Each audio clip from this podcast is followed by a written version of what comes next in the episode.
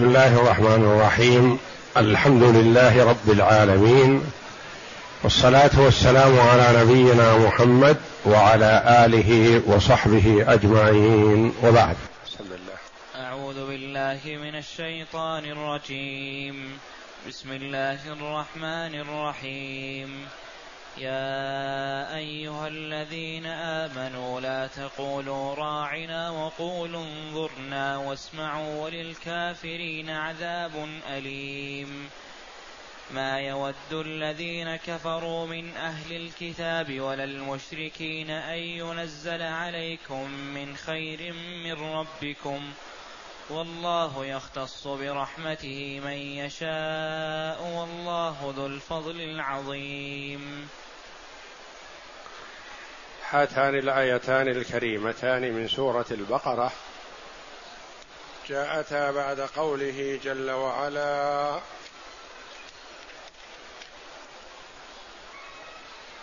واتبعوا ما تتلو الشياطين على ملك سليمان وما كفر سليمان ولكن الشياطين كفروا.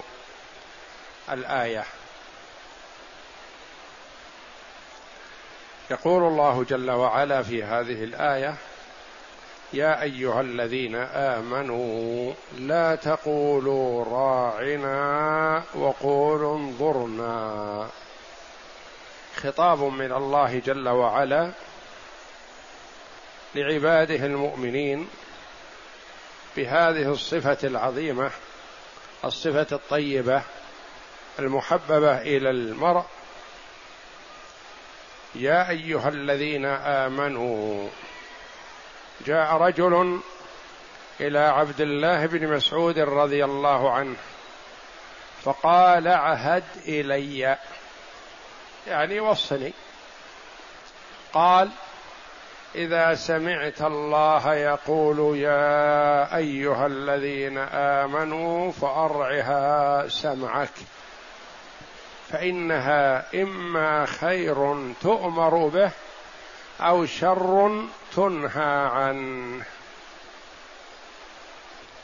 يقول إذا قرأت القرآن ومررت بقوله تعالى يا أيها الذين آمنوا فانتبه أنت مقصود. إن كنت من المؤمنين فأنت مخاطب. والعاقل إذا أتاه خطاب من أمير أو كبير أو عزيز ينتبه لهذا الخطاب ويقرأه ويتأمل ماذا يريد صاحب هذا الكتاب منه؟ فيمتثل. وهذا الخطاب من الله جل وعلا لعباده المؤمنين أمر أو نهي. وكل مؤمن مقصود بهذا الخطاب.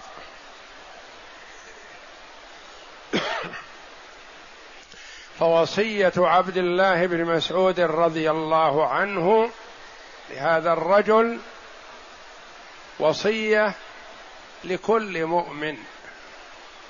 يا أيها الذين آمنوا انتبه أنت مخاطب بهذا النداء. بينما هو ورد في التوراة مثل هذا الخطاب يا أيها المساكين. فالله جل وعلا يخاطب مؤمني هذه الأمة بقوله يا أيها الذين آمنوا. يخاطب أهل الكتاب يا أيها المساكين. يا أيها الذين آمنوا لا تقولوا راعنا. وقولوا انظرنا. لا تقولوا كذا وقولوا كذا. نهى الله المؤمنين عند مخاطبتهم للنبي صلى الله عليه وسلم أن يقولوا هذا اللفظ. لا تقولوا لنبيكم عند مخاطبته راعنا. وإذا أردتم أن تستمهلوه أو تستفهموه فقولوا انظرنا. لما نهى الله جل وعلا المؤمنين أن يقولوا راعنا؟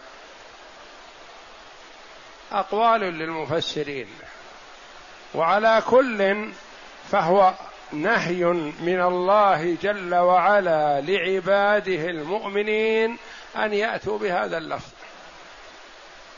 وعليهم أن يمتثلوا. والله جل وعلا ينهى عن لفظ لحكمة قد يعلمها العباد وقد لا يعلمها. والنبي صلى الله عليه وسلم قد نهى عن ألفاظ وأباح ألفاظ تعليما للأمة. لا تقولوا للعنب كرم ولكن قولوا حبلة. لا يقل أحدكم عبدي وليقل فتاي والله جل وعلا يقول لا تقولوا راعنا وقولوا انظرنا. فالمقصود أن الله جل وعلا نهى عباده المؤمنين أن يقولوا للنبي صلى الله عليه وسلم هذا القول فعليهم السمع والطاعة. ثم إن العلماء رحمهم الله تلمسوا الحكمة من نهي عن هذا وإباحة غيره. قيل لأن اليهود كانوا يقولون راعنا راعنا والراعن المغفل البليد من الرعونة. يقال فلان فيه رعونة فيه بلادة فيه جهل. ففرح بها اليهود فكانوا يقولون للنبي صلى الله عليه وسلم على سبيل التحكم والسخرية راعنا. وهم يقصدون هذا المعنى البعيد. وهم معروفون بتأويل الكلام عن عن مواضعه وتحريفه. يحرفون الكلمة عن مواضعه.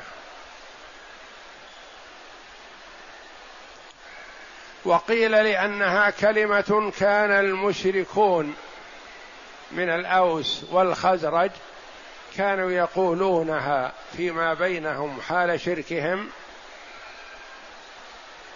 فقالها بعضهم للنبي صلى الله عليه وسلم فنهوا عنها. وعلى كل فالنبي صلى الله عليه وسلم نهى الأمة عن التشبه باليهود والنصارى والكفار. وقال من تشبه بقوم فهو منهم. وأمرنا بمخالفة اليهود في الأقوال والأفعال واللباس والاعتقاد وجميع العمل الذي يختصون به نهينا, بم... نهينا عن تشبه بهم وأمرنا بمخالفتهم. فهم ما داموا يقولون هذا القول فقد نهينا عن التشبه بهم فنهانا الله جل وعلا أن نقول هذا القول.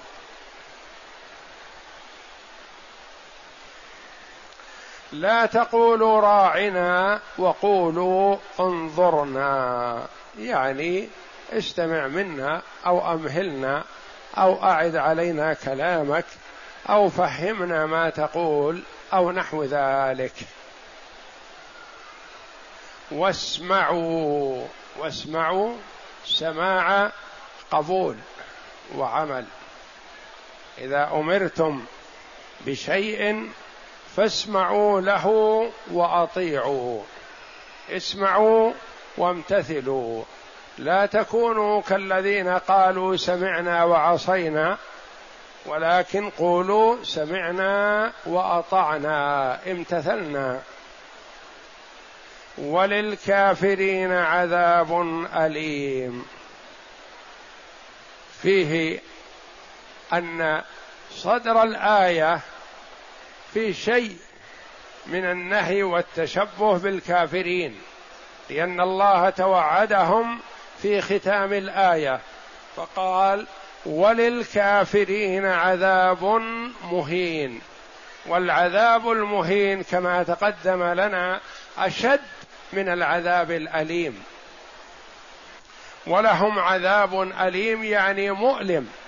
والمهين الذي جاء في الآية التي قبلها لأن العذاب قد يكون مؤلم وليس فيه إهانة.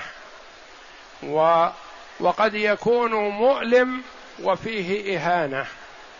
فهناك عذاب الموحدين والعصاة عذاب مؤلم أحيانا ولكن ليس فيه إهانة لأنه عذاب للتطهير والتمحيص من الذنوب. بخلاف عذاب الكفار فهو يجمع بين الأليم والمهين يعني فيه إذلال وتحقير لهم. وللكافرين عذاب أليم يعني شديد مؤلم. وهم دائمون فيه أبدا لا ينفك عنهم بخلاف عذاب الفاسقين من المؤمنين والمسلمين فإنه ينتهي ومآلهم إلى الجنة. اقرأ. نهى الله تعالى عباده المؤمنين أن يتشبهوا بالكافرين في مقالهم وفعال وفعالهم وذلك أن اليهود كانوا يعانون من الكلام ما فيه تورية فيما يقصدونه من التنقيص عليهم لعائن الله. فإذا أرادوا أن يقولوا اسمع لنا يقولوا راعنا ويورون بالرعونة كما قال تعالى من الذين هادوا يحرفون الكلم عن مواضعه. وكذلك جاءت الأحاديث بالإخبار عنهم بأنهم كانوا إذا سلموا إنما يقولون السلام عليكم. يعني إذا سلموا إذا مروا على النبي صلى الله عليه وسلم يقولون السلام عليكم. فكأنهم يقولون السلام وهم يقولون السام. والسام الموت. السام الموت. وكما تقدم لنا أنه مر يهودي بالنبي صلى الله عليه وسلم فقال السام عليكم يا أبا القاسم. فقال النبي صلى الله عليه وسلم وعليكم وعليكم فقط. قالت عائشة رضي الله عنها قالت بل السام والموت واللعنة عليكم معشر اليهود. فقال النبي صلى الله عليه وسلم مهلا يا عائشة. لما؟ قالت اوما سمعت ما قال؟ قال بلى. سمعت ما قال أما سمعت ما قلت له؟ فإنه يستجاب لنا فيهم ولا يستجاب لهم فينا. فكان النبي صلى الله عليه وسلم ما كان فاحشا ولا متفحشا. فهو لما قال له اليهودي السام عليك يا أبا القاسم قال وعليك. والنبي صلى الله عليه وسلم أدرك وعرف أنه يقول السام الذي هو الموت. قال وعليك. فنظرا لكونهم يورون ويأتون بكلمات موهمة موهمة فلذا ينبغي ألا يقلدوا في أقوالهم ولا يقال مثل ما يقولون.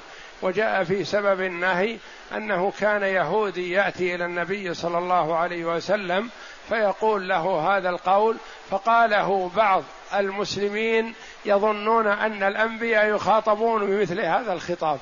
فنهاهم الله جل وعلا عن ذلك. نعم. ولهذا أمرنا أن نرد عليهم بقوله وعليكم والغرض أن الله تعالى نهى المؤمنين عن مشابهة الكافرين قولا وفعلا. فقال تعالى يا أيها الذين آمنوا لا تقولوا راعنا وقولوا انظرنا واسمعوا وللكافرين عذاب أليم.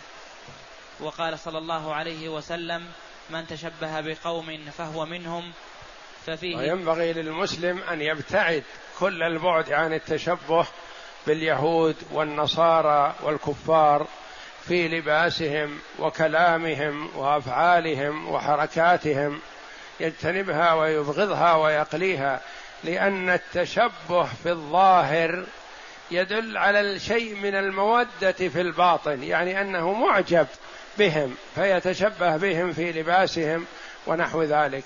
وينبغي للمسلم أن يحرص على التشبه بخيار الأمة بالنبي صلى الله عليه وسلم والصحابة رضي الله عنهم وأرضاهم ويحذر التشبه بالكفار والفساق ونحوهم. نعم. وروى وروي أن رجلا أتى لعبد الله بن مسعود رضي الله عنه فقال اعهد إلي فقال إذا سمعت الله يقول يا أيها الذين آمنوا فأرعها سمعك فإنه خير يأمر به أو شر ينهى عنه. وقال الأعمش بن خيثمة ما تقرؤون في القرآن يا أيها الذين آمنوا فإنه في التوراة يا أيها المساكين. قال ابن عباس الخطاب لليهود بيا أيها المساكين والخطاب لهذه الأمة بيا أيها الذين آمنوا. ولذا قال بعض أهل التفسير إن الخطاب بيا أيها الذين آمنوا غالبا كان في الآيات المدنية والخطاب بيا أيها الناس غالبا في الآيات المكية لأن في المدينة كثر المسلمون والمؤمنون وجاء التشريع والخطاب من الله لهم يا أيها الذين آمنوا. وأما في مكة فكان غالب الخطاب للناس بيا أيها الناس. وقال ابن عباس راعنا أي أرعنا سمعك. وقال الضحاك كانوا يقولون للنبي صلى الله عليه وسلم أرعنا سمعك. وقال السدي كان رجل من اليهود من بين بني قينقاع يدعى رفاعة بن زيد يأتي النبي صلى الله عليه وسلم فإذا لقيه فكلمه فقال قال أرعني سمعك واسمع غير مسمع. وكان المسلمين المسلمون يحسبون أن الأنبياء كانت تفخم بهذا فكان الناس منهم يقولون اسمع غير مسمع. فنهوا أن يقولوا راعنا. قال ابن جرير والصواب من القول في ذلك عندنا أن الله تعالى نهى المؤمنين أن يقولوا لنبيه صلى الله عليه وسلم راعنا لأنها كلمة كرهها الله تعالى أن يقولوها لنبيه صلى الله عليه وسلم.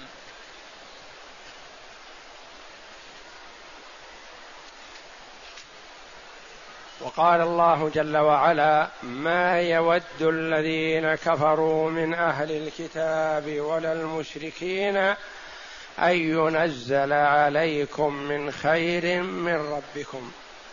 ما يود ما يحب الذين كفروا الكفار صنفان أهل كتاب وهم اليهود والنصارى ومن عداهم من المشركين. المشركون ما يقال لهم أهل كتاب وأهل الكتاب هم اليهود والنصارى حتى وإن كانوا مشركين في الحقيقة فهم مشركون في الحقيقة لكن يسمون أهل الكتاب لأن اليهود يقولون عزير ابن الله وهذا الشرك الأكبر. والنصارى يقولون عيسى المسيح عيسى ابن مريم ابن الله تعالى الله. وهذا الشرك الأكبر. ولكن أهل الكتاب اليهود والنصارى يقال لهم أهل الكتاب حتى وإن كانوا مشركين. ومن عداهم ممن يعبد الأصنام ايا كانت هي فيقال لهم المشركون. الله جل وعلا يقول هذان الصنفان من الناس ما يودون أن يكون لكم خير من الله وأن يحصل لكم خير من الله. يبين جل وعلا عداوتهم أنهم أعداء. أنهم أعداء للمسلمين. إليهم ولا يتشبهوا بهم ولا يألفوهم. بل يعلنوا لهم العداوة والبراءة منهم ومن أعمالهم. ما يود الذين كفروا من أهل الكتاب ولا المشركين أن ينزل عليكم من خير من ربكم. يعني هم حسدة. يحسدونكم على كل خير. وما يودون أن يحصل لكم خير.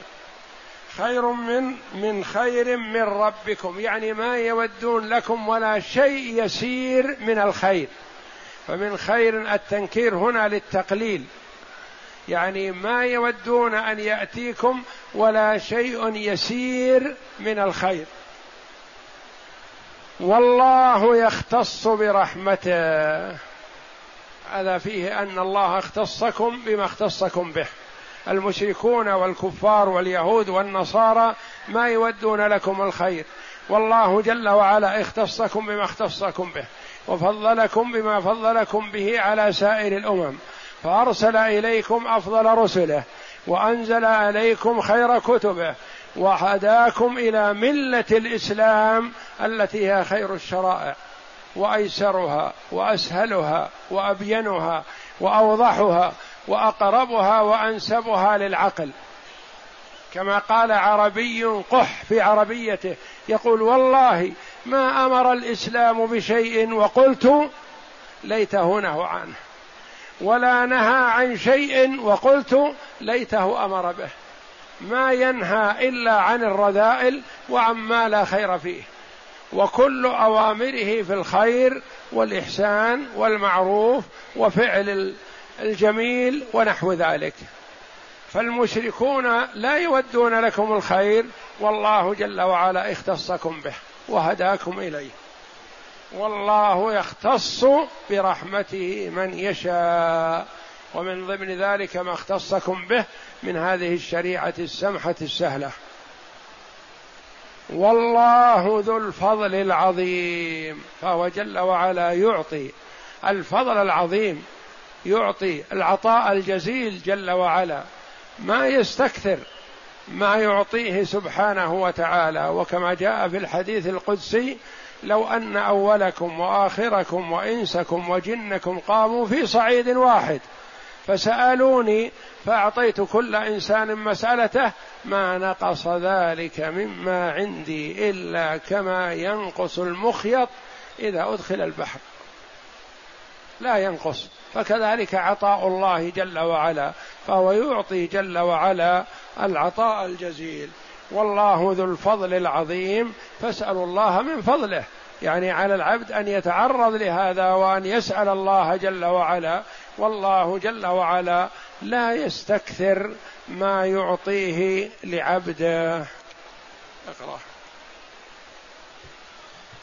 وقول الله تعالى ما يود الذين كفروا من أهل الكتاب ولا المشركين أن ينزل عليكم من خير من ربكم يبين بذلك تعالى شدة عداوة الكافرين من أهل الكتاب والمشركين الذين حذر الله تعالى من مشابهتهم للمؤمنين ليقطع المودة بينهم ونبه تعالى على ما أنعم به على المؤمنين من الشرع التام الكامل الذي شرعه وكما قال الله جل وعلا إن الشيطان لكم عدو فاتخذوه عدوا يعني لا تركنوا إليه لا تقبلوا منه. كذلك المشركون والكفار واليهود والنصارى أعداء لكم أيها المسلمون. لا تقبلوا منهم نصيحة ولا مشورة فهم أعداء وهم خونة. يحبون أن يهلكوكم قدر استطاعتهم.